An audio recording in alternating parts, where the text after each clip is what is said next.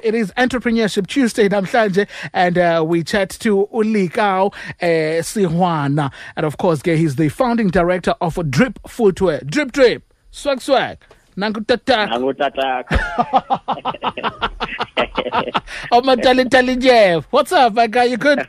Ah, ngiyanceka mntaka baba. Oh man, listen, it's so great uh, speaking to you. I was saying to my producer earlier on that I actually saw your stuff on Twitter once, right? And as I was scrolling past, you know, Twitter must be and Twitter sometimes, and I was, I was scrolling past, and then I saw I saw this, and I, I was like, such a sneaker, and I'm like, what's going on here? And I look at it, and I'm like, this actually deserves the attention it's not getting, and uh, it deserves so much more. But we're going to talk about that. Welcome to the show, and thank you so much for joining us. Ah, ngiyabonga ngiyabonga kakhulu. Eh, Ngibingelele abalaleli bakho baba. Mm.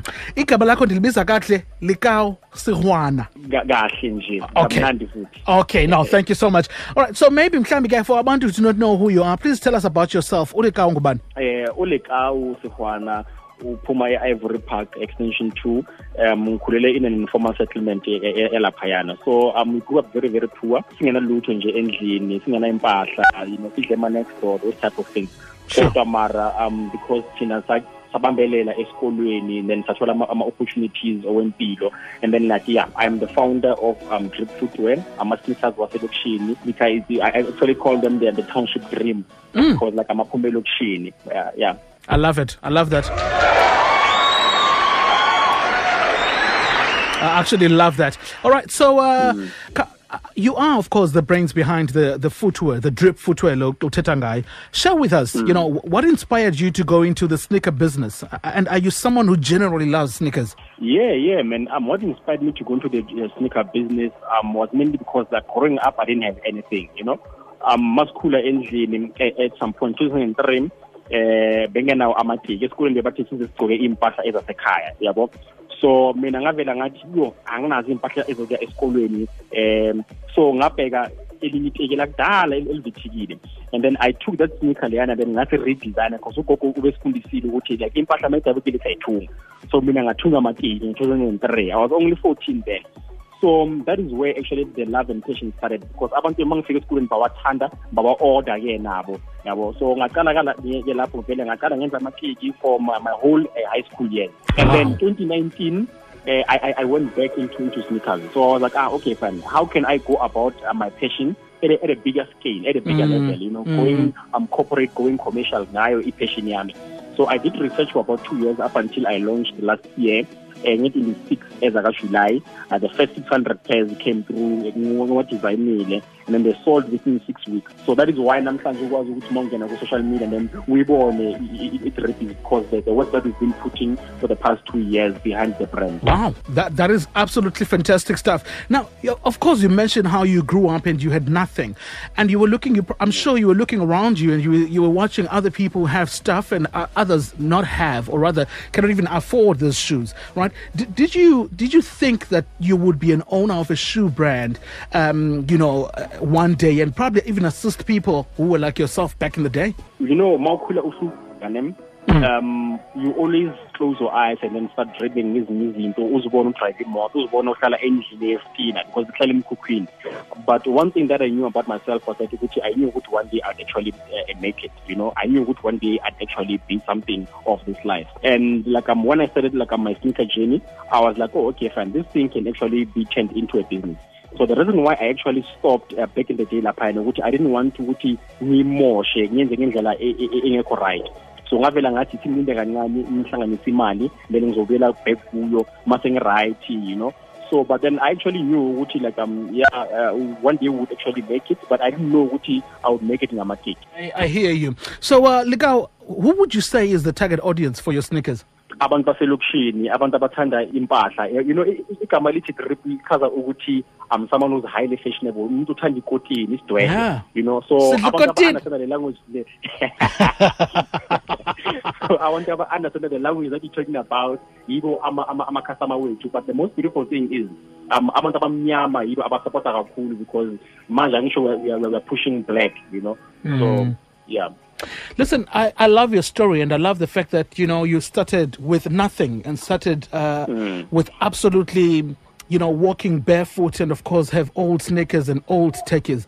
And I, I probably Yeah. want you to, you know, to speak to someone right now who also uh, is maybe a young guy or girl, you know, who, who are barefooted right now, do not have shoes, um, uh, and things are rough, maybe, you know, uh, they probably feel like they will never get to a break, you know, a breakthrough or a point where they feel they're doing good. Uh, What message maybe do you have for such people, young people specifically? Um, you know what? Like, um, one thing that I would say is that abantu kumele babambezele ku-education because that is um the one shot that gives us the opportunity. You know, um, more background education, you are exposed to a wider range of opportunities. Yabo. So, um, especially people abane education, people who have passion in something, those are the people abane short in life most of the time. So just stick to your passion. You know, like um, into le ayikho easy. You say we are entrepreneurs, you say we are doing it, but it's not easy. So even the starting point as well, in life, ayikho easy now. So each and every point of life, even success, is not easy as well. But we are happy because we made it, but it's not easy because it's backed up by, by hard work. So people should just um, stick on and on doing what they do right now. Uh, keep on pushing those um, passion things abazenzayo, and then one day, uh, I'm sure ukuthi umnyango izovuleka. Mm, that's beau- beautiful. Now we do know that it's COVID nineteen uh, across you know the world. Has has this affected you and the lockdown? How have they affected your business? i-lockdown ne baba isilimazile sonke but um the most beautiful thing ukuthi like um bathi nge-level four we can be able to operate you know based on ama-regulations lawa vele siwalandelayo manje Okay. uh, but um siyancenga kancane kancane at least abantu besenza vele labo bayathenga and we are, we are actually pushing online on our online store so yeah yona it, it, it, it's hectic but at least there's still 900 rands engenayo every day so we actually hopeful to zizodlula kule simo sikuso All right, and uh, and maybe are you coping with? Uh, I mean, what's happening? Yes, we are coping, eh? We are coping. At least i'm um, um the, the landlord ofisini kwazile ukuthi afele rent and we're actually um, I'm opening two shops um in, in at least two months. We are at Pretoria, we are at Newtown Junction. So we are coping. Um, we are a small business, self-funded, no investors, no anything.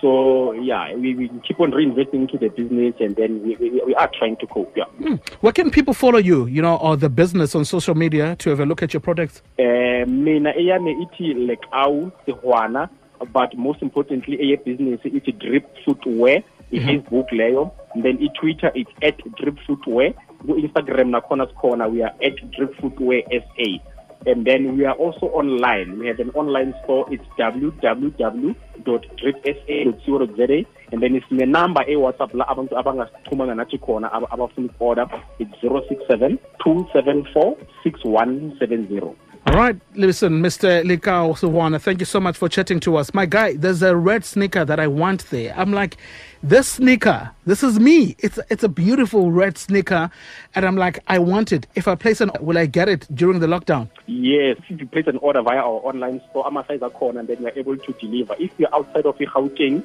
um, it takes about three to six days in courier. So we, we, are, actually um, online right now. So the vendors are Korea. You can buy right now, and then no matter what code, they'll be delivered to your door. Or, or, or should I wait until everything is done, then I come to Joburg to get it? Yeah, yeah. Even if, if maybe uh, maybe angasheshe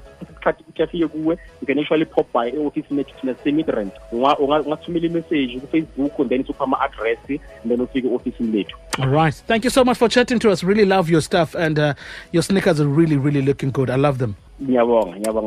All right, that was, of course, Mr. Lekau uh, Sehoana, of course, from uh, Drip Footwear. And uh, Ucho, go to Drip Footwear on Facebook. You can find them there. If you want to be on the show as well to talk about your business, do the right thing. Email manka a at sabc.co.za.